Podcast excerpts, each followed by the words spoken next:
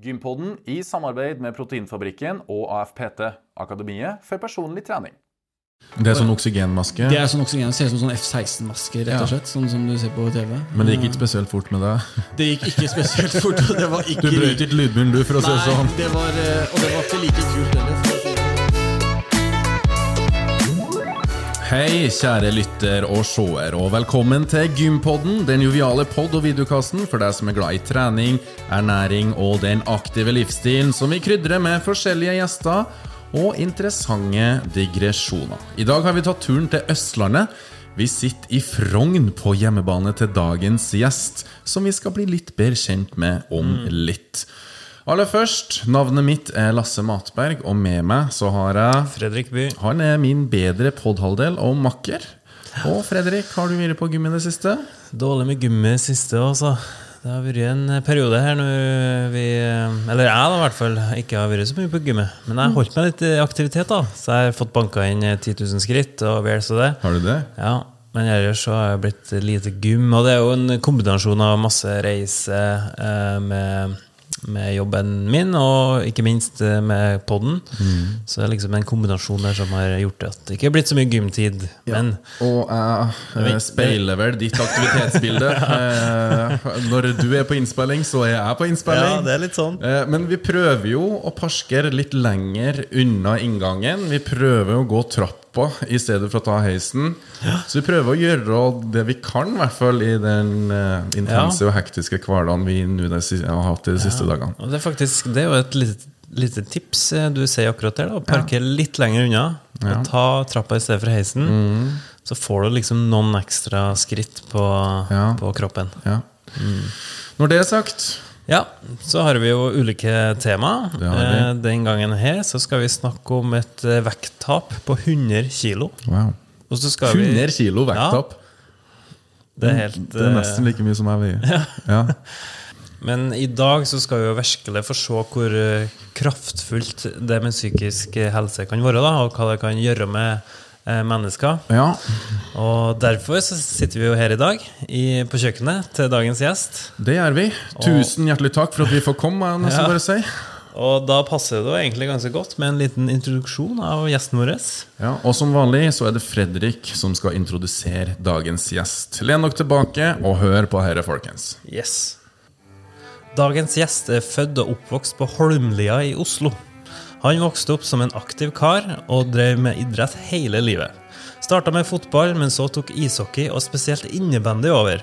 Som 16-åring spilte han sin første eliteseriekamp i innebandy, og som 17-åring fikk han personlig sponsorkontrakt.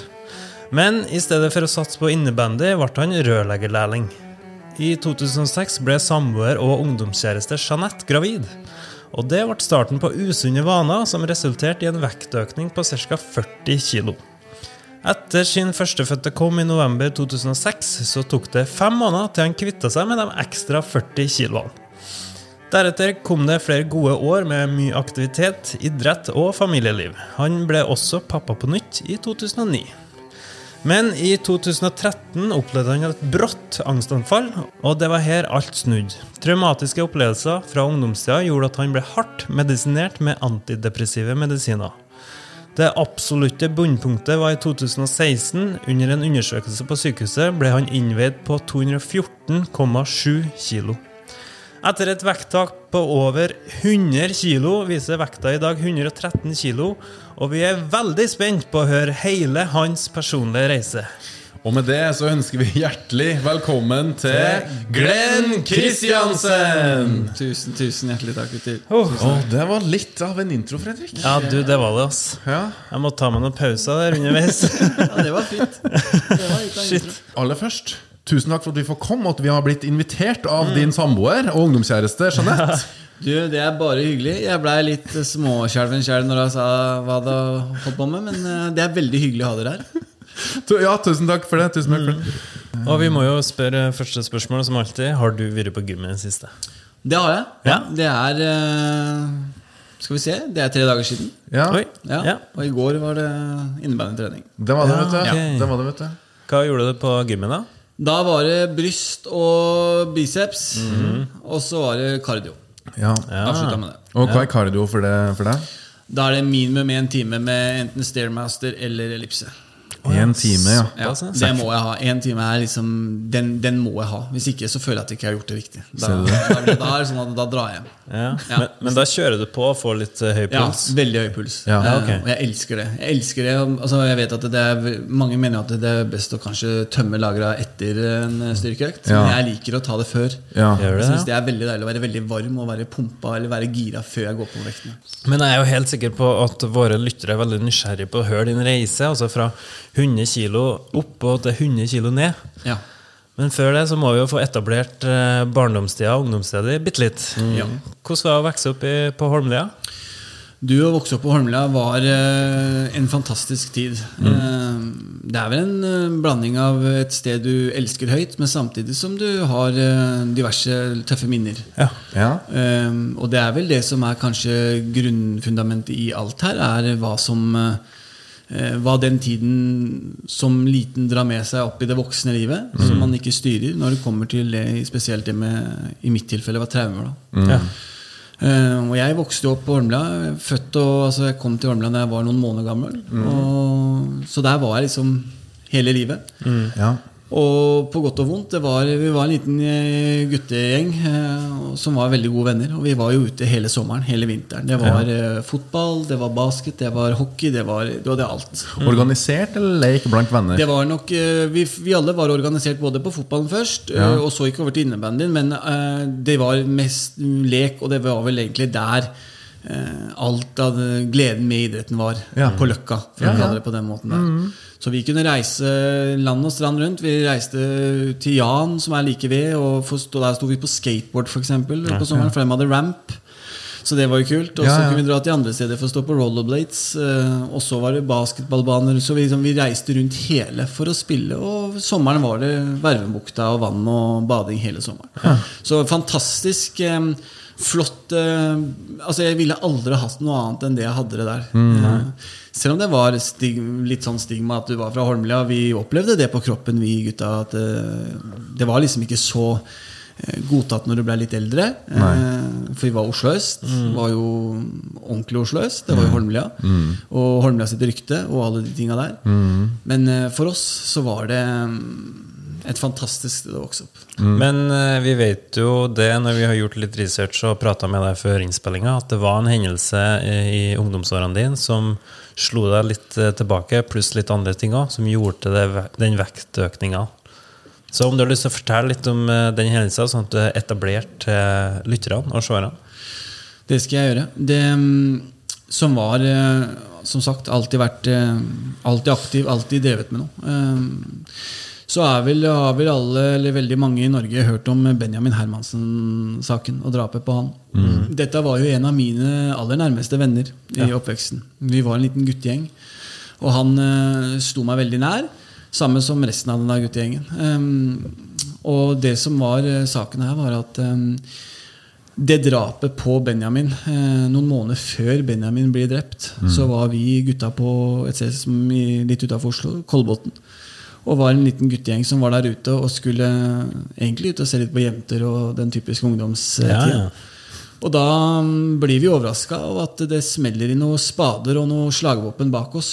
Og der, eh, der, der er det jo nynazister da, som tar oss. Eh, og spesielt jeg kommer meg ikke unna. Jeg blir eh, på en måte fanga inn i et hjørne. Og jeg får et par-tre slag som setter meg godt ut. Og jeg knekker noe ribbein og blir, for får det man kaller på godt norsk eh, grisehjuling. Mm.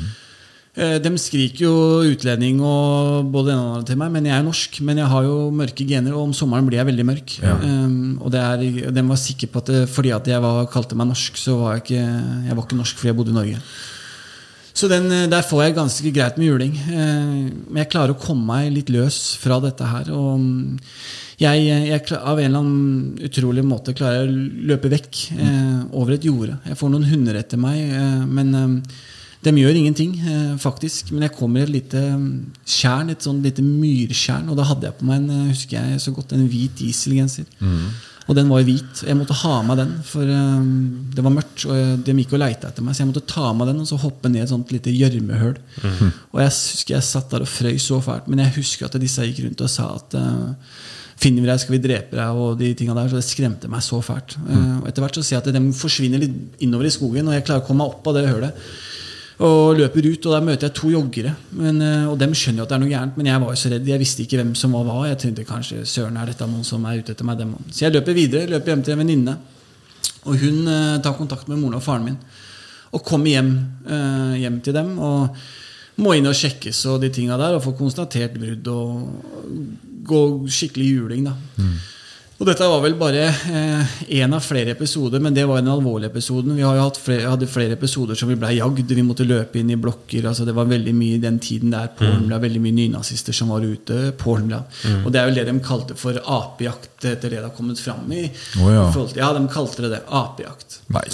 Så de skulle ut på apejakt og, og ta oss da, fra Holmlia. Um, og da, det var jo Når du våkner til den beskjeden at eh, For mitt tilfelle var jo det at jeg våkna om natta.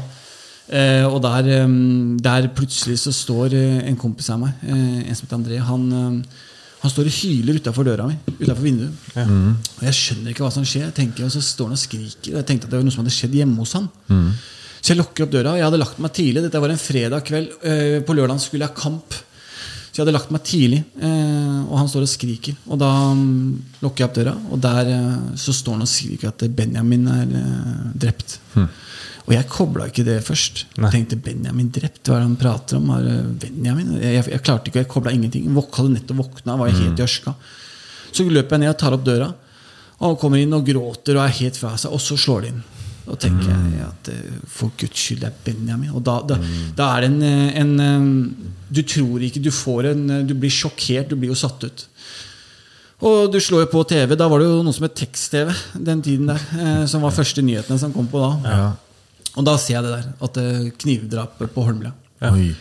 Og det går rett inn på meg. Og jeg blir helt eh, satt ut. Da var det ute i media allerede, ja. Da var det med ut i media med en gang. Media var jo oppe på dette drapsstedet nesten før politi. Ja. Eh, og det blir en konflikt der også oppe mellom media og folk på Holmlia, fordi de blir så intensive. Så det ble ganske Tar, ampert. tar bilder og Ja, er det var litt for pågående. Ja, veldig pågående. De fikk ikke noe folk, altså folk det var Jeg husker at det ble veldig mye bråk mellom media og folk. Flere på Holmlia tok faktisk kameraene og pælma dem. sånn, For det ble, ja, det ble skikkelig stygt, og politiet måtte bryte inn. Og, Ja.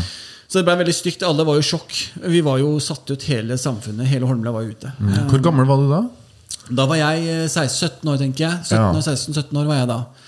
Og, og var jo på en måte tidlig inn i voksenlivet selv. Eh, og når jeg var liten ja, Da var jeg fem-seks år, tror jeg. Da var det jo første æresdrapet som liksom var offisielt i Norge, var jo også utafor døra mi. Når jeg var liten. Eh, Så jeg husker at jeg så denne dama ligge på gulvet Eller på bakken, da, skutt. Mm. Så det også satte seg inn i minnet mitt uten at jeg på en måte tenkte noe mer over det den tiden der. Nei.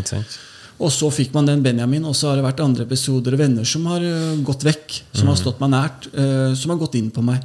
Men den tiden så var det der og da, og det var veldig vondt. Det var helt forferdelig, spesielt det med Benjamin. Det, det, det knakk oss helt. Men tiden gikk. Ja, Så fikk du noe hjelp fra psykisk Nei, helsevern? det var ingen, ingen, ikke noe psykisk helsevern i Nei. det hele tatt som tok tak i noen ting her. Um, Overhodet ikke.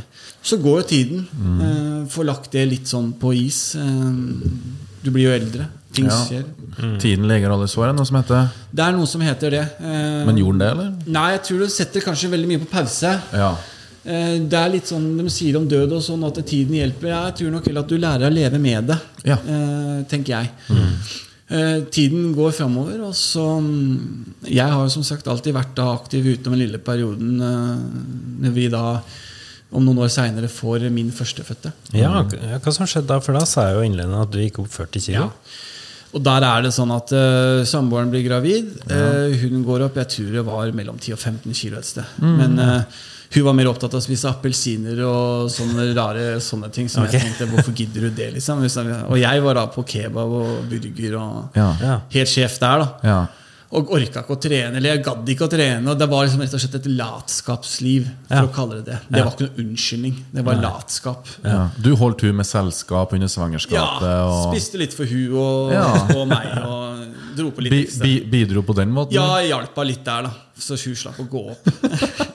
være snill mot deg der. ja, ja. Så, men så begynte jeg å tenke at eh, søren, buksene passa plutselig ikke. Og jeg tenkte hvorfor har jeg tatt dette i tørketrommelen? og sånn. Jeg ble litt irritert, ikke sant? for buksene begynte å bli mindre. Og Ja. begynte å merke at det, faen, det begynte å bli vondt å sitte og sånn. Og så husker jeg at eh, han, ben, han sønnen min da, kommer ut eh, kommer den 11. november. Og vi kommer inn i desember, så hadde svigermoren tatt et bilde. Sitter med han i hånda. Og da ser jeg meg sjøl, så tenker jeg nei. Nei, nei, nei, nei, nei. Hva er det som skjer her? Og folk hadde jo lagt merke til å få 40 kilo er mye å gå Ja, det er ganske mye, også. Ja, det er veldig mye. Og folk kjente meg nesten ikke igjen. Hvor mye var du da? da? 130? 140? ja, ja, stemmer. Rundt 100, jeg tror jeg, 142 tror jeg var høyeste jeg husker. Ja, jeg sant. sto på rundt der mm. Og tenkte at dette her går jo ikke. Og så skulle jeg gå ned i vekt. Men eh, å gå ned i vekt, og du prøver å søke litt råd på nettet, og, sånn, og da skjønner du at eh, dette er en jungel.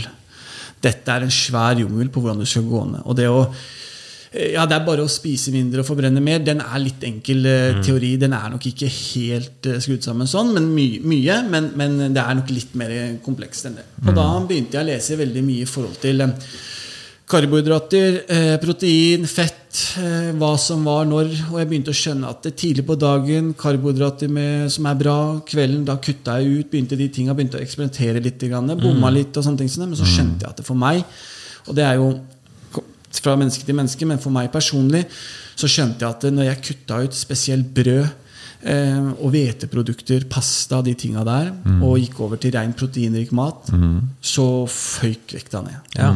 Da det bare stupte. Og kroppen føltes jo kjempebra. Jeg var bra trent, eh, muskulatur, alt. Jeg var veldig opptatt av proteiner. Da. Hvordan sto det til oppe i toppen da? Veldig bra. Ja. Da var det veldig bra. Ja. Jeg følte meg som eh, en konge, rett og slett. For Ja. Jeg følte at alt funka. Alt jeg gjorde, traff blink. Ja. Du har gått ned, fire, nei, du har gått ned 40 kilo på fire måneder. Du har hatt en frisk sønn på fem måneder. Alt er fint. Samboeren er fornøyd, blid og fornøyd. Da er alle fornøyd. Så alt, alt liksom Det var helt Alt var bra.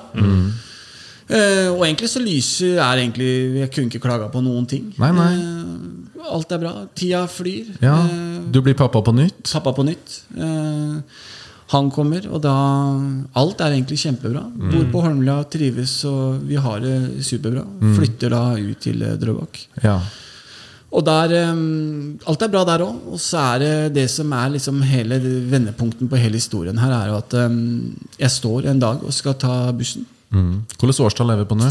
Nå er vi på to, 2013 ca. 2013, ja. 2013-2014 rundt der. Og da, helt ut av det blå, eh, kvelden før jeg har vært dårlig, litt uvel når jeg legger meg, mm. hatt litt nerver, jeg har ikke kjent på det på la. Liksom veldig, dette er litt nytt for meg. Dette med å kjenne på nerver. Du er litt edgy? Ja, veldig. veldig sånn, akkurat som litt sånn mottakelig falt. Jeg skjønner ikke hva som skjer.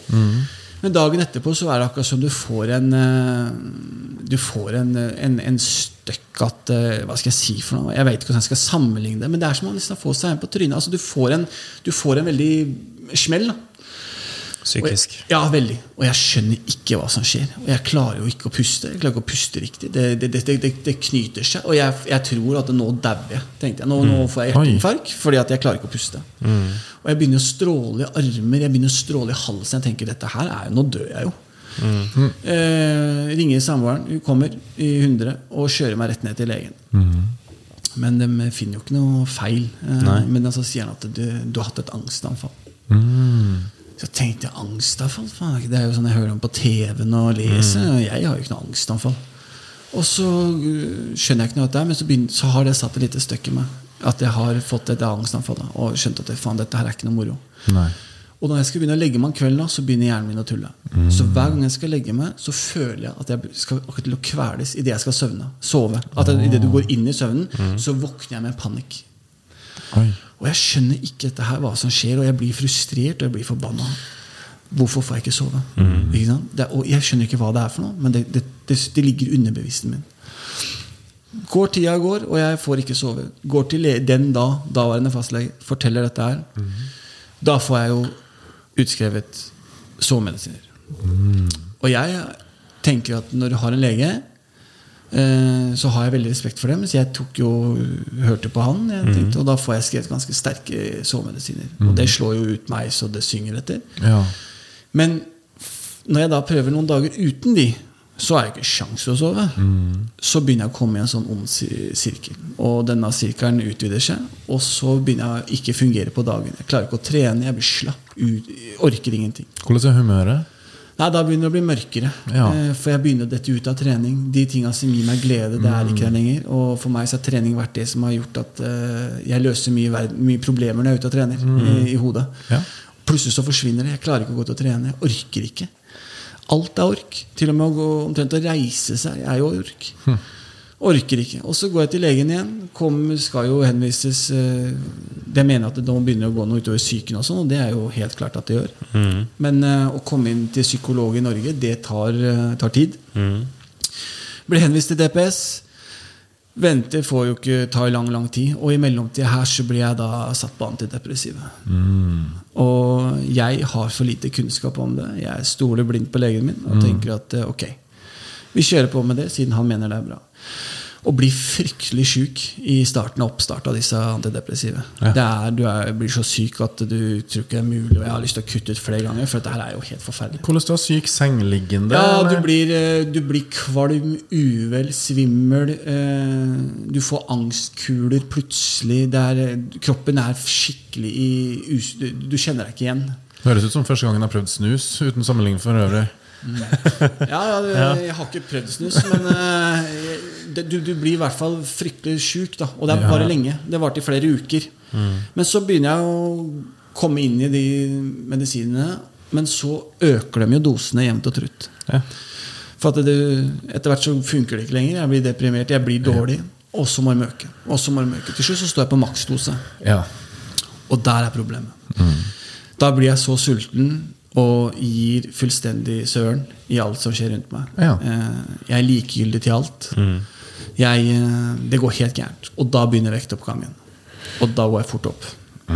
Da går jeg veldig fort opp. For det, Og, det, og hva er fort i denne sammenhengen? nei, altså, jeg kan tenke meg at eh, de første 50 kiloene går jeg av på et år. Ja. Eh, ganske lett. ja. Og du begynner å utvikle en, en sykdom innen mat. Det begynner å ta over. Du begynner å hente mat og legge det i skaper til kvelden, til å stå opp om natta, til å spise. Eh, du, du laver en Du blir et mani, eh, rett og slett. For maten styrer deg. Du Ja. koser deg så godt med de medisinene og den maten. Og jeg som elsker hockey og NHL, som går om natta, Ja. kunne da sitte og se på ishockey.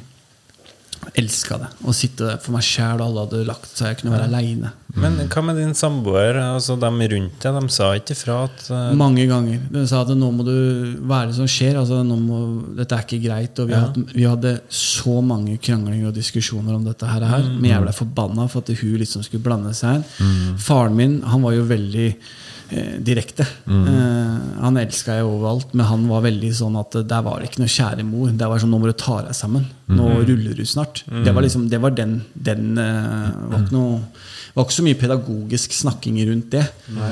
Men igjen, det, det gikk ikke inn på meg. Brydde meg ikke. Det, Det var en- kanskje pga. at du gikk på anti... medisiner. Ja. For du blir så flat, og det blei spesielt jeg. Jeg brydde meg ikke om Var det noen gleder, så kunne ikke bry meg. Var det noen nedturer, brydde ikke det meg heller. Nei. Så når samboeren for var fryktelig lei seg og kunne være helt knust, så var det sånn at jeg tenkte hva er det som feiler deg? Altså, hvorfor gidder du å grine om dette her, om jeg er sånn og sånn? Og, og dette ble bare verre og verre for hun Ja. Og meg, selvfølgelig. Men, men jeg så det ikke på den måten der. Men midt oppi dette så, mis- så ble far din kreftsyk. Ja, Han blir i 2016. Ja. Så, eller han er, får jo det i 2014. Ja. Eh, og da er jeg så langt nede, så hadde foreldre, eh, for, eller moren min og søsteren min, de holder dette litt skjult på meg, for de vet at dette kommer ikke jeg til å takle.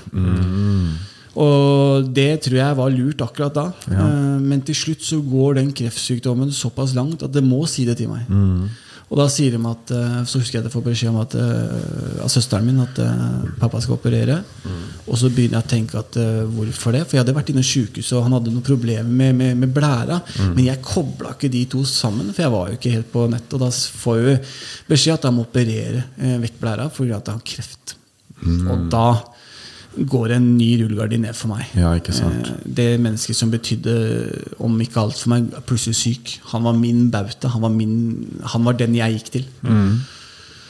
Og han ble sjuk, og jeg blir jo enda mer depressiv. Eh, Og da får du enda mer medisiner. Ja, Stemmer. Da blir det enda mer, og da blir det mer kraftigere medisiner. i forhold til at Antidepressiva er jo et, et preparat du ikke blir nedsløva av. Du blir jo, det gjør noe med følelsene dine, men du blir ikke sløv. Da går du på, på andre preparater, ikke sant? sånn som Benzopsedin, alle disse tingene her. Da begynner du å bli sløv. Da er det B-preparat i forhold til at det, da blir du rusa, på godt Ja. norsk. Ja. Ja. Og da, alt dette her er jo lovlig. Jeg har aldri kjøpt en illegal pille i mitt hele liv. Men alt kommer fra lege, og jeg stoler jo på det legen sier. Mm. Men det er sterke saker. Du kan ikke kjøre bil. Her Nei, nei, nei. her er preparater med varseltrekanter på. Her er det, dette er altså, som sagt B-preparat, som er da et varseltrekant. Ja. Du skal ikke kjøre noen bil. Du blir rusa. Det er jo på en Ja. måte en lovlig narkoman. Eh, en litt sånn light-versjon. da Ja. Og det blir bare dypere og dypere. Vekta øker, øker og øker. Eh, og så dør han i desember 2016. Og jeg er på bunnpunktet. Lysten på å leve er jo ikke der. Nei. Jeg tenker at det, hva, hva, hva skal jeg med dette livet her? Det er, eh, men så har jeg to gutter. Eh, og så er det sånn at det, det som er veldig farlig, at det, mange sier at det å, å, å begå selvmord og ta livet sitt, det er en feig måte. Det er det mange som sier. Men jeg tror man skal være veldig forsiktig med å uttale seg om sånne ting før du har vært så sjuk. Eh, og uttale om sånne ting. Fordi de menneskene gjør ikke det er du, altså, du er så syk at du vet ikke sjæl hvor ille det er. Da. Eh, og det som er viktig å forstå, at når du blir så ille at det, det er døden som blir eh, frislippet ditt, det er der du kan slappe av. Og det var sånn det begynte for meg. At jeg tenkte at eh, jeg har en veldig, veldig pen samboer og veldig oppegående. Alle liker henne. Alle er, eh, hun er en gledesspreder uten like på jobb overalt. Så jeg visste at hun vil klare å finne en annen mann. Og han vil kanskje klare å ta vare på gutta mine bedre enn det jeg gjør. For hjemme så var jeg pappa som jeg skulle være, og holdt på med det, men utafor var jeg aldri med. Jeg var aldri med på noe. Nei. Det ville jeg ikke. Det var en skam. Ikke? Fordi du var så stor? Jeg var så stor, og hva alle andre mente om meg, hva alle følte om meg. Jeg følte alle snakka om meg, alle de tinga der. Så jeg ville ikke legge skam på gutta mine. Eller hun. Så jeg syntes det var flaut, rett og slett. Ja, for da var du 200 kilo. Da var jeg 200 kilo. Over det òg. Og da, da, da, det, var så forferdelig vondt. Og, og bare å finne klær, alle de tingene hvor, altså, Gå sånn halvmøkkete sånn. Det, det er egentlig ikke meg som menneske, men så, sånn blir det. Eh, og det ville jeg ikke at dem skulle ja, bli flau pga. faren sin. Da. Og da, da, tenkte jeg at mange ganger at uh, dette her er ikke noe mer for meg.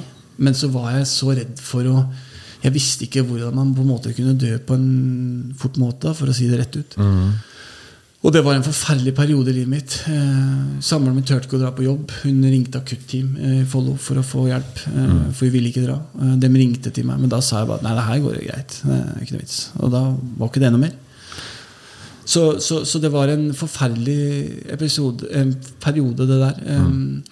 Det som skjer i mellomtida er at vi flytter. eh, kommer til nytt hus. Og jeg er jo mye syk, mye dårlig, mye uvel. 215 kilo, som jeg veit om. Jeg har vært sikkert høyere enn det. Jeg, eh, når vi skal sove, så får jeg alltid problemer. Alle snakker liksom, jeg har vært på, en guttetur i ny og ne, at folk tør ikke å sove sammen med meg. For det, det lager så mye rare lyder og sånn. Da tenker jeg, rare lyder, jeg snakker jo, jeg sover jo. Og samboeren min altså, vil ikke sove i samme rom og liksom, blir maser på nå må du gå til legen, dette er ikke trygt. Og sånn. Og så begynner jeg å filme meg. Og da skjønner jeg at det her er jo noe som ikke stemmer. For at eh, Jeg husker jeg skulle sitte og se på hockeykamp og gleda meg til det. Så sovna jeg, og så våkna jeg, så var kampen ferdig for to timer siden. Så lurte jeg på når den kampen begynner. da? For jeg sovna jo uten Hadde ikke peiling. Og går til lege, og da blir du satt på masse sånne elektroder og skal ha på det et døgn når du sover. Og sånn. Og så kommer jeg dagen etter, og så får jeg da beskjed at uh, ja Mm, Jeg trodde ikke jeg hadde sovet så mye. Men eh, jeg spør han eh, legen da at eh, jeg vet ikke om dere får målt noe. For jeg føler ikke at jeg sover så mye. Og da sier han jo. Du har det, Glenn, men jeg rekvirderer nå en taxi, så må du må reise opp til AS. Fordi at hvis du har over 5-10 pustestopp, det er liksom Det er ikke bra. Da begynner ting å bli ille. Men når det er over 30, så er det alvorlig. Og jeg hadde 58. Fy. Ja, og det lengste var på rett overfor mange og 30 sekunder. Rett under, det var noe sånt noe. Så han sa at dette her er ikke bra, det sliter ut hjertet ditt. rett og slett. Så var det rett opp til Ahus i en alder av 35 år, cirka, 36 år, og så skal du begynne med eh, kursing i hvordan du skal ha på deg i forhold til CPAP-maskin. Um, Det er sånn oksygenmaske. det er sånn oksygen, ser ut som sånn F-16-maske, rett og slett. Sånn som du ser på TV. Men det gikk ikke spesielt fort med deg. Det gikk ikke spesielt fort. Og det var ikke Du brøt ikke lydmuren, du, for å si det sånn. det var, eh, og det var ikke like kult heller, for å si det sånn. Det var ikke akkurat eh, Det var ikke den settinga du ville ha den F-16-maska, for å si det sånn. Nei. Og det følte jeg var et jævskla nederlag å få den. Men så kommer jeg hjem og får den, og så finner vi en sånn der, Er det laktatmåler det heter? Eller sånn sukker Sånn Sånn du bruker til diabetes. Ja. Og så stikker først samboeren min den i fingeren og tar den. Og så, for da hadde vi flytta og fant den, og vi hadde kjøpt den for en eller annen merkelig grunn for noen år siden. Og så, Når hun tar den, så står den på 5,0. Og så var det noen sånne der stripes sånne, som du tar blod inni. da ja. Så sier jeg at jeg får prøve den, jeg òg. Det var litt sånn, Hva ligger jeg på? Hun lå på fem, og så spurte jeg hva er det beste. Og da sa han at mellom fem og sju burde altså opp til åtte. Men, og da begynner jo konkurransen. Da skal jeg slå hun ikke sant? Hun lå på fem. Da tenkte jeg skal jeg komme på fire og en halv. tenkte jeg. Bare, ikke det inn. Men da viste den øh, 26 eller noe sånt. nå Og så sier jeg den viser 26 på meg, sier jeg. Og hun får jo helt Du bare Hæ, 26? Er du gæren? Så sier jeg jo, og så tar den en gang til, og den står på det samme. Og da må jeg ringe en, eh, en eh, barndoms... Eller en kompis eh, Kompis av meg, altså broren til min bestevenn. Og han har diabetes. Og så sier jeg til ham at vet du hva, jeg har eh, 26 i måneden. Hva er dette normalt, eller? Og han sier at nei, nei, nei. Du må komme deg inn på et uh, legevakta fort. For det der er ikke bra. Og jeg tenker at folk, jeg merka jo ikke noe på meg. Jeg var jo ikke noe spesielt tørst. La oss si at Hvis du får diabetes, så blir du så tørst. Og sånn. jeg var jo ikke det i det hele tatt. Jeg tissa kanskje mye mer enn vanlig. Kommer inn til eh, legevakta. Og da tar de tester igjen og sier at nei, du må begynne på medisiner med en gang.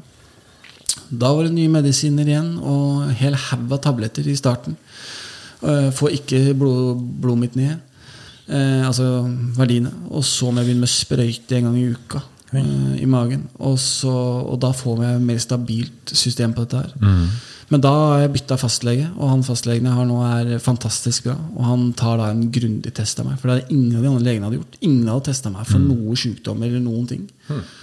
Så jeg synes det var så tenkt noe i ettertid at, det, hvorfor, at ikke noen har tatt og sett noen signaler der.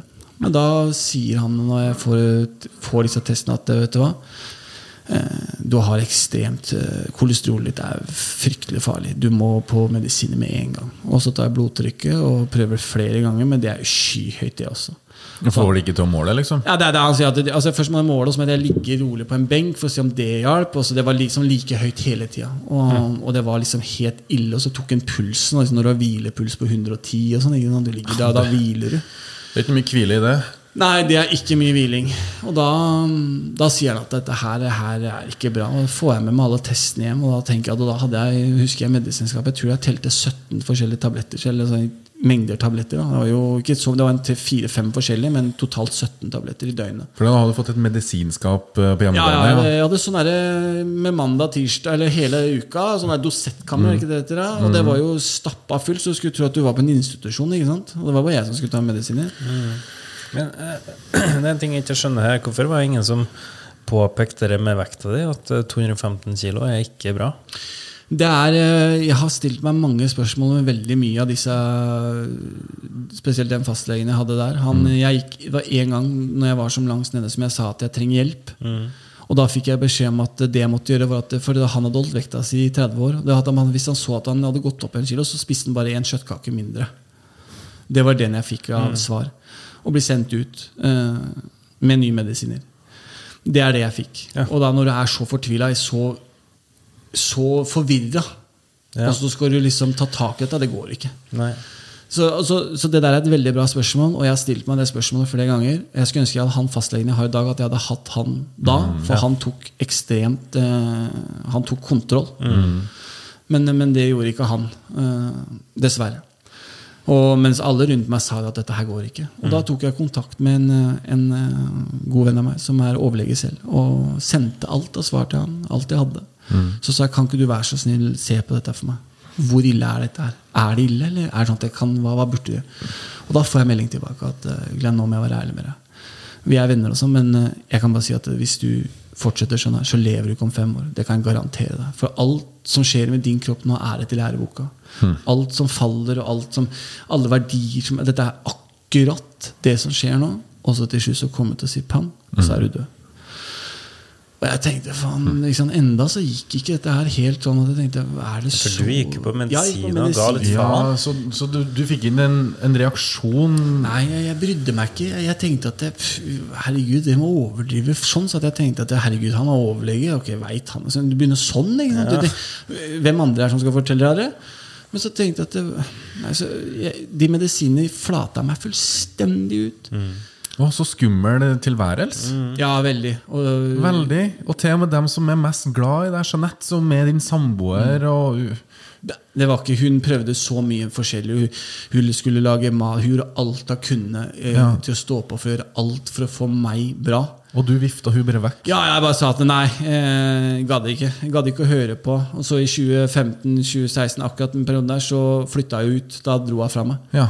Da var hun borte fra meg fem måneder. Da sa hun plutselig til meg at eh, jeg kan ikke gjøre mer. Og du vil ikke. Og hun har, da er det ikke sånn at uh, hun ga opp etter en uke. Altså. Hun sto på døgnet rundt, gjorde alt jeg ba om. Hun tok gutta hunder. Hun var altså et ek ekstremt uh, jeg, jeg kan ikke fortelle hvor fantastisk det mennesket er. Eh, og hvordan hun sto på for meg og gutta, og hva hun forsvarte, og hva hun gjorde. Hun Ja. kunne forlate meg på sekken og gått til hvem som helst. Sånn sett, hvis du, hvis Men, men når hun flytta ut, hun brydde seg, hun tok fortsatt kontakt og ville Veldig, veldig Hun tok kontakt, og det var for at hun så hvor syk jeg var, og visste at vi hadde barn. Ja. Uh, Men så har jeg alltid tatt den rollen ekstremt seriøst, å være en god pappa. Det har Mm. vært veldig viktig for meg. Men hun skjønte at jeg sleit med å, å, å ta vare på meg sjæl. Ja. Så hun var veldig opptatt av det og var oppe og prata. Så var hun en veldig god, god venn, men så var hun borte i fire-fem måneder. Men så skjønte jeg at det, det gikk ikke, så hun kom tilbake. Mm. Og det hjalp meg jo mye. Men jeg, allikevel så gikk jeg på medisinene. Og hun håpa og ba om at nå må du gjøre noe. Og så flytta vi jo til her vi sitter i dag. Og da eh, så det, prøvde jeg mange ganger å, å gå ut av de medisinene. Men jeg kan love dere én ting, og det er for alle som hører på, at eh, den dagen du blir avhengig av noe, om det er alkohol, om det er piller, om det er antidepressive, å gå ut av det Det er ikke sånn at du bare kan si at det, det er bare kutt ut. Fordi det har så stor kontroll og en så kraft på deg, de medisinene, og det du er avhengig av, at eh, eh, det, er, det er helt uvirkelig hvor sterk den kraften er. Kan du prøve å beskrive det? Det Det blir en besettelse. Og det blir sånn at jeg, jeg har sittet mange ganger nå som i voksen tid og sett på TV og sett at det, eh, Når jeg ser narkomane, da, så er det mange som sier at herregud, du valgte stoffet overfor barna dine. For eksempel. Den har du hørt mange si. på Ja, ja. Men det er, ikke, det er ikke realiteten, for dette er mennesker som er Dette har en så enorm makt på deg. Så du, du gjør alt du kan for å få det stoffet. Nå har ikke jeg vært avhengig av heroin, og de tingene der men jeg kan ikke engang tenke meg, for jeg har venner som er det. Og jeg har sett hvordan det Jeg kan ikke engang forstå den kraften det der, der har på deg som menneske. Altså det, det er en egen Å komme ut av det, det tror jeg eh, Da skal du jobbe hardt. Altså. Og, da, og da med de medisinene antidepressive òg. Jeg ville kutte ut dette flere ganger. Og jeg prøvde, hvis jeg sier til dere, i hvert fall 20-30 ganger. Men når du sier du prøvde, eh, var det sånn at du gjemte dosetten og Nei, jeg skulle kutte ut. Jeg skulle bare kutte ut, Ja. og jeg ville ikke ta noe mer. Eh, Nei. når du fulgte legenes råd, og det er en veldig viktig ting for folk som hører på, som, at det, må, det er veldig viktig at man kjører samråd med legen sin, og, Mm. Ja. og tiltro til den de har, har rundt seg angående medisiner. Og det gjorde du? Det gjorde jeg, men jeg hadde ikke noe tiltro til han legen jeg hadde da. Nei, så jeg begynte å bli møkka lei av å høre på han, så jeg tenkte at nå skal jeg bare kutte ut. Det som kalles cold turkey. Jeg går bare rett inn og kutter ut alt sammen. Men Mm. det var så, jeg ble så syk at du kaster opp syk, du, du får en influensa ganger 100, du klarer ikke å se, du hallusjonerer, du alt dette her. Kroppen reagerer, for kroppen vil ha mer, så den Ja, ja, går, i, går i febermodus? Helt, ja, du blir så syk at eh, du, Og da kan du ta én tablett, så går det en halvtime, og så er alt borte. Så er det på null igjen. Og det vet du at du har da. Men så var det noen som kom over meg etter at faren min var død. Alt dette her, Og så var det Jeg vet ikke hva. Jeg har tenkt mange ganger på hva var det som fikk dette til å gjøre det. Men da sier jeg til samboeren min at nå må du bare ta gutta. Eh, Jeg kommer til å bli grisesjuk. Og det visste jeg, for hun har sett meg flere ganger syk. Jeg har vært med på litt. Så sier han ja, ja, hvis du mener det, selvfølgelig, jeg tar gutta. Så går jeg opp, og så bare gjør jeg meg klar. Og pælmer alt jeg har av medisiner. Kaster det. Og så tenker jeg at det ber jeg til Gud, faktisk. Skal jeg være helt ærlig. Sitter jeg og ber på sida av senga sier jeg, vær så snill, om det er pappa eller hvem det er, vær så snill, gi meg den styrken at jeg skal klare dette her. Og jeg blir sykere og sykere og sykere. Ligger i en, eh, ja, i hvert fall tre uker, mellom tre og fire uker, eh, med noen absidenser som ikke ligner noen ting. Så kom jeg meg sakte, men sikkert ut av det. Og jeg tror egentlig ikke det er sant at jeg har klart å komme ut av det.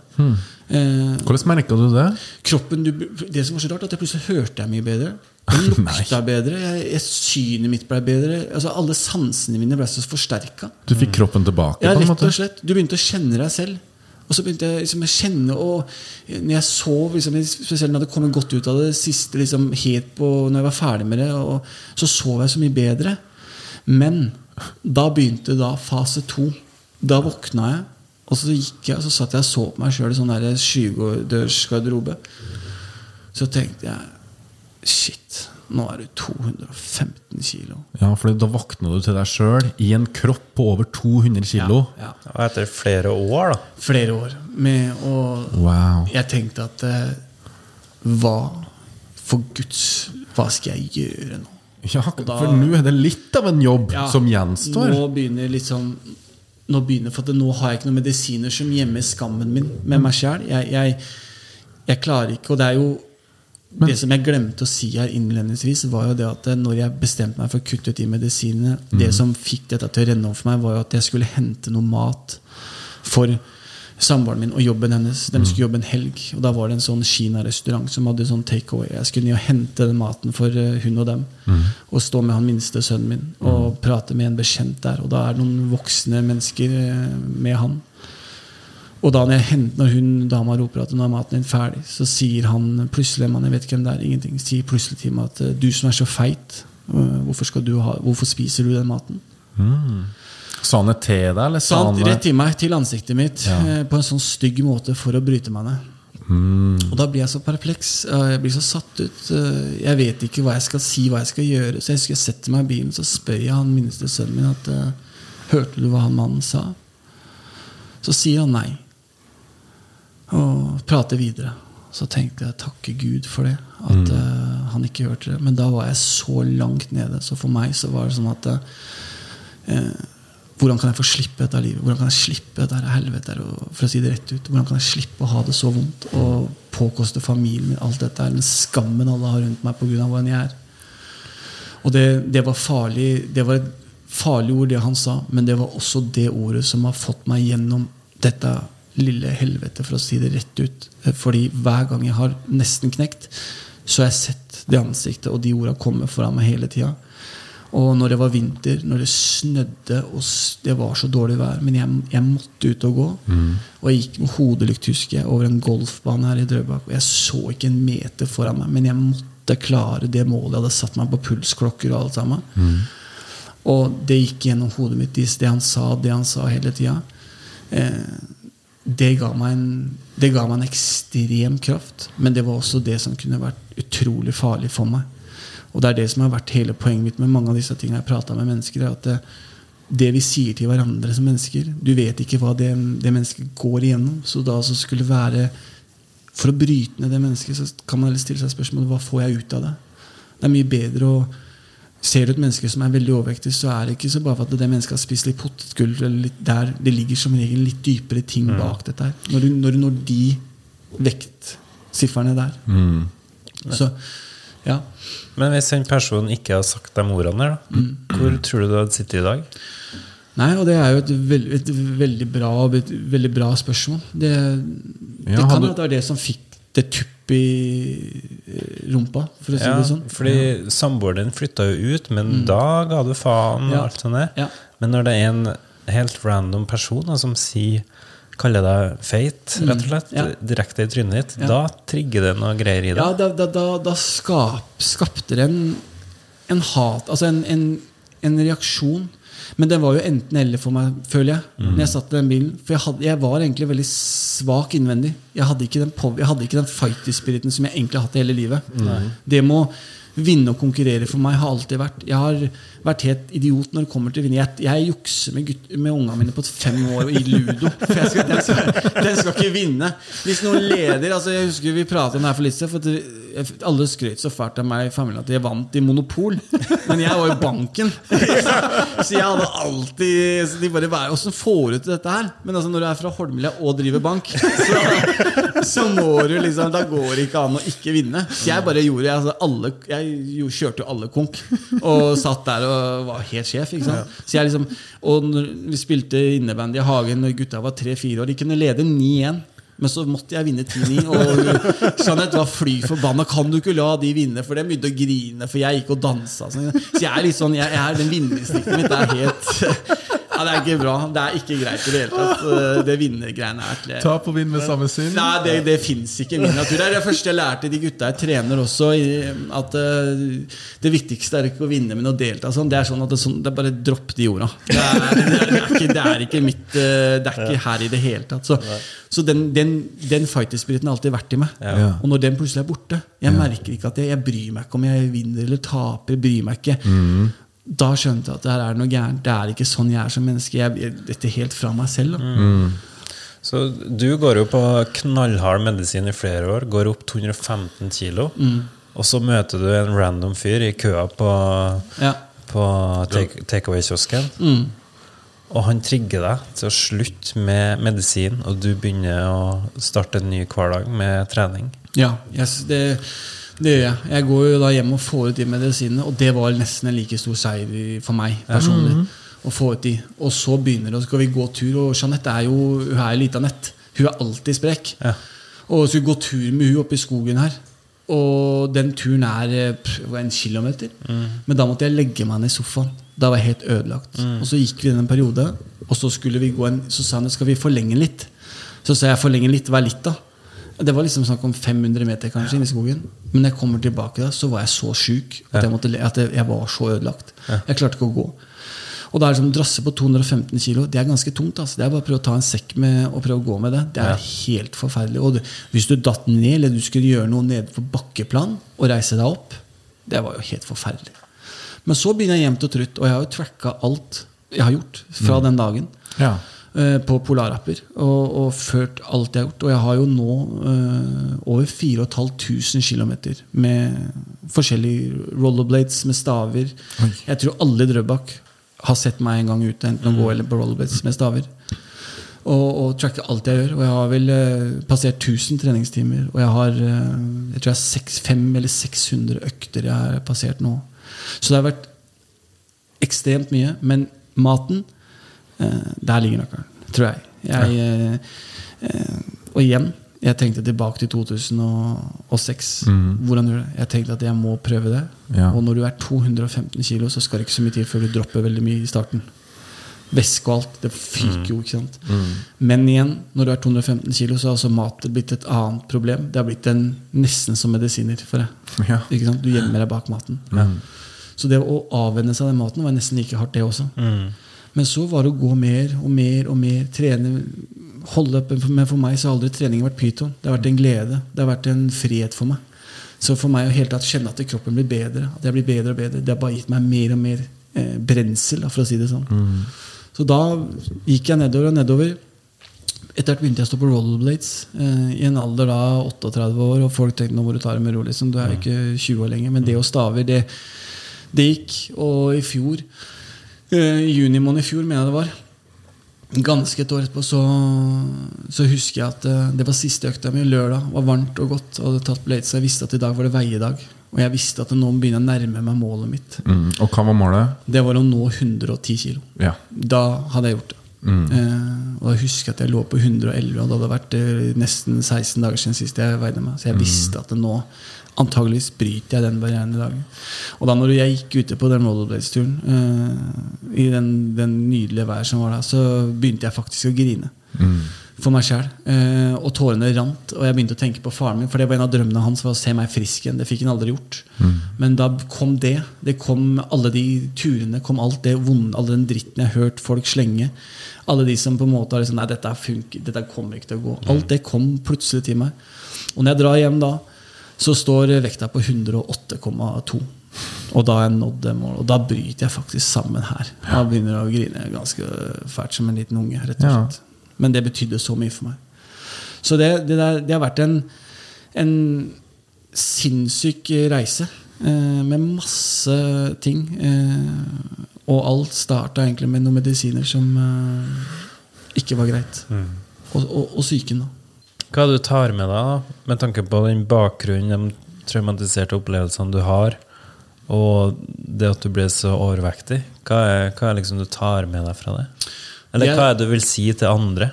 Det jeg vil si til andre, er det å i hvert fall ikke dømme noen. Og vi alle gjør jo feil, og vi alle har kommet med kommentarer, og alle, det, det gjør vi alle. Eh, men etter å ha vært med på en sånn runde sjøl, jeg kommer aldri til å tørre å dømme. Jeg dømmer ingen. Om du, har, eh, om du ikke vil gå på striper i gata, eller om du var en hafre har for deg, eh, gå og le av den personen. Eh, dette prater jeg mye om som trener og blant de gutta mine. At vi kan sitte der, og hvis en har sånn og sånn, og vi andre sitter liksom og skal fleipe med det, men når han kommer hjem blant eh, lukkede dører, så kan at han bryter seg mye ned at det andre skal ha det moro. Så det å ha, drite ut andre på andres bekostning, så lenge du ikke ser at det mennesket har litt selvironi og fleiper med det selv, du, du, du ser den litt det er sånne ting jeg tar med meg. Det må være litt forsiktig med å eh, Må du påpeke at det mennesket har en eh, svære ører, eller at, eh, at den er en veldig må, må man påpeke det? Hva får du som person ut av å påpeke det? Det er sånne spørsmål jeg håper folk kan tenke seg litt om. Og det at man sitter rundt et frokostbord hjemme når du har barn, og sånne ting som det òg. At det du snakker rundt der, det drar du med deg. Det drar du med deg til kidsa. Og så det begynner allerede der, føler jeg. Og det er det jeg drar med mye av reisen min. At eh, livet snur fort. Lurer litt på, Hvis at du ser en overvektig person på gata i dag, hender det seg at du går bort til vedkommende? Nei, jeg gjør, jeg gjør ikke det. Eh, jeg gjør ikke det. Eh, Det er mange ganger jeg har lyst altså, Jeg kunne Ja. godt tenkt meg hvis det er en som Jeg har jo fått mange spørsmål om det og det, men, men liksom, det man må forstå, at det, å leve på dietter, det funker dårlig. Og det er sånn klisjésagt, det jeg sier nå, men du må gjøre en livstidsendring. Ja. Du må gjøre om vanene dine. Når du spiser, hva du spiser, de tinga der, det er det som avgjør. For at du kan trene deg halvt i hjel, men hvis du ikke kutter ut det og det, så vil du ikke få Du vil ikke gå ned. Altså, Du vil ikke få de samme resultatene. Og så sier du det her, her med vaner. Altså, du gikk jo den kilometerturen, og så sa samboeren ok, neste gang forlenger vi den 500 meter. Ja. Små steg Ja. som utgjør masse. Ekstremt mye. Og ikke bryte Er det en dag du ikke klarer, så ikke gi opp alt. Du behøver ikke også bryte alt. Det, derfor er en veldig sånn klassisk vi alle at du begynner på noe, og så går det ikke. Og så blir det sånn jeg vet da, nå bare dropper jeg alt sammen, for nå har jeg bomma uansett. Det er en sånn ting. At du, ikke gi opp. Eh, da begynner du på null igjen.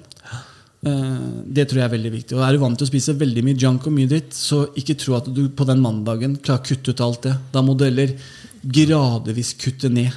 For å bare kutte fra søndag til mandag og tro at du skal jogge klokka før jobb. Du skal spise gress, og du skal spise kylling. Du skal, den er ferdig tirsdag morgen. For å si den dietten her. Den, den, den funker aldri. Du har prøvd den? Ja, den, den har vi alle prøvd. At du skal løpe, og du tenker at nå er du Rocky på øra, og du er helt der. ikke sant? Men uh, jeg tenker gjør det gradvis, og tenk at det eller, Bruk et, litt lengre tid, men da har du lykkes med det. Ja.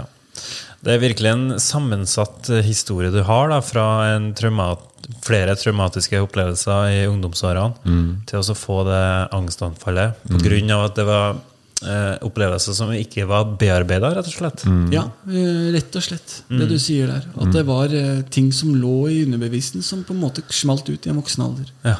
Og hvis det er noen som eh, sitter og sliter, eller noen som har noe, så er jo Mental Helse på 116 123.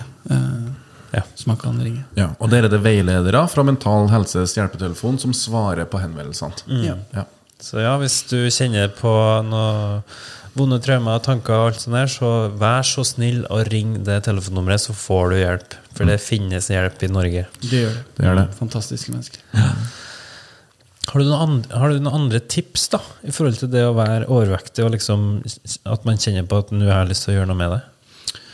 Eh, tipsene mine er å ta tak i det før det går for langt, selvfølgelig. Eh, og da tenker jeg på det at én ting er å være overvektig, men når du begynner å bli syk, syk eh, Diabetes, disse tingene, det er skumle sykdommer. Og eh, jeg ville tatt eh, Hvis du merker at du begynner at ting begynner å gå litt ut, eh, snakk gjerne med noen som har eh, erfaring. Eh, det betyr ikke at legen din har det, Fordi at det, selv om du er lege, så betyr ikke at du har peiling på kosthold. Eh, så oppsøk noen som har peiling på det.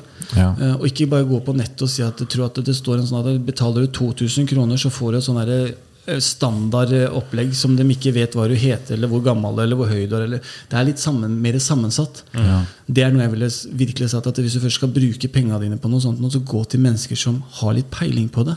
Vær, litt, eh, vær litt eh, nøye med det du plukker ut, for det gjelder kroppen din og pengene dine. og det du jobber for, Så, så vær litt nøye på det. Det, det ville jeg ha gjort. Hvordan er, hvordan er hverdagen din i dag, da? Typisk eh, treningsuke og kostholdsuke for deg? Det er, øh, den er veldig enkel, egentlig. Det er å stå opp. Jeg hopper veldig tidlig. Jeg hopper ja. før seks. Oh, ja, ja, jeg elsker å være tidlig oppe. Ja, ja, det og nå har jeg vært en del i jobb, så nå, det har vært å jobbe, jobbe, jobbe der. Jobbe litt i forhold til Være på jobb til tre-fire. Og så har det vært eh, trening. Det er som trening hver dag. Og så er å legge seg tidlig. Legge meg sånn i 10-11-tida. Det, det er viktig for meg. Ja.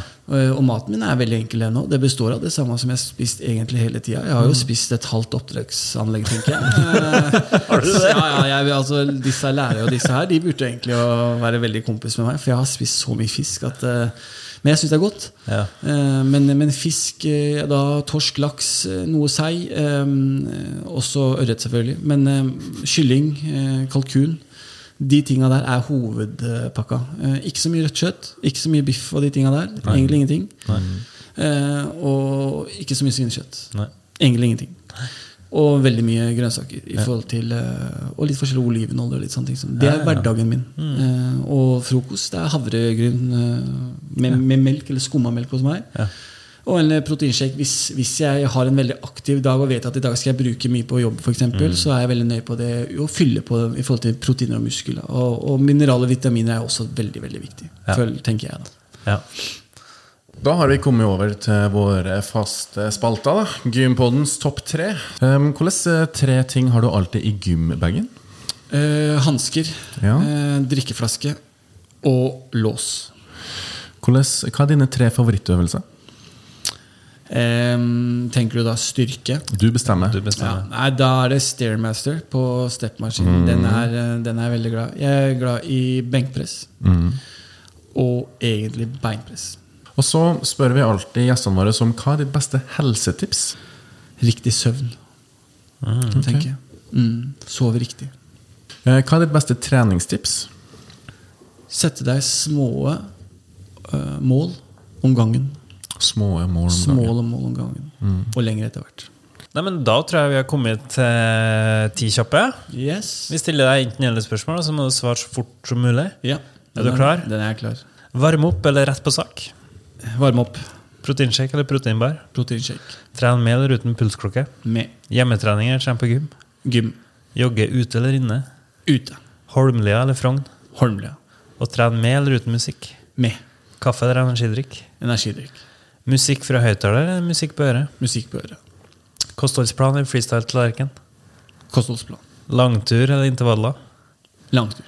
Netflix eller YouTube? Netflix. Trene med eller uten Jeanette? Med. Trene med eller uten barna? Uten. ok. Knebøy eller markløft? Knebøy.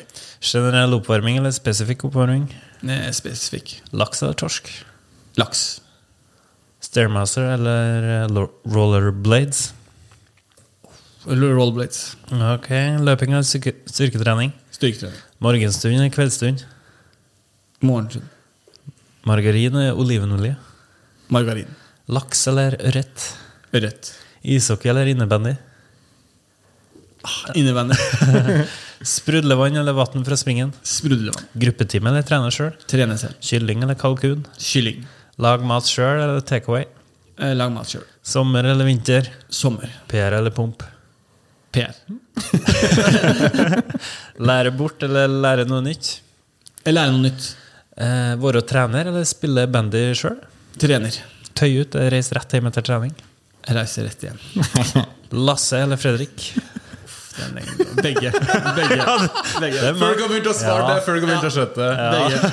Uten deal, Begge. Det, det går ikke. Og siste trappa eller heisen? Trappa. Bra. Amen.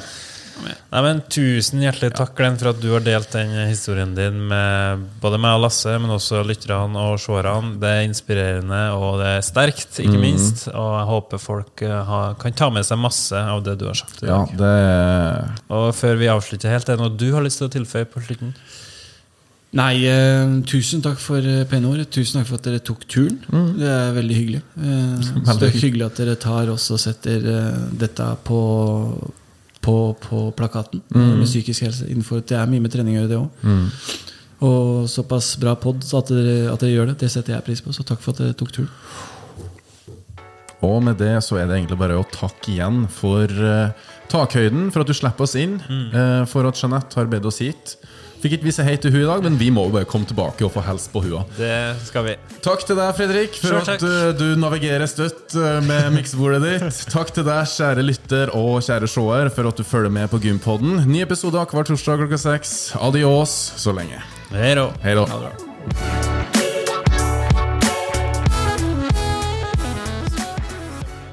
Gympodden i samarbeid med Proteinfabrikken og AFPT, Akademiet for personlig trening.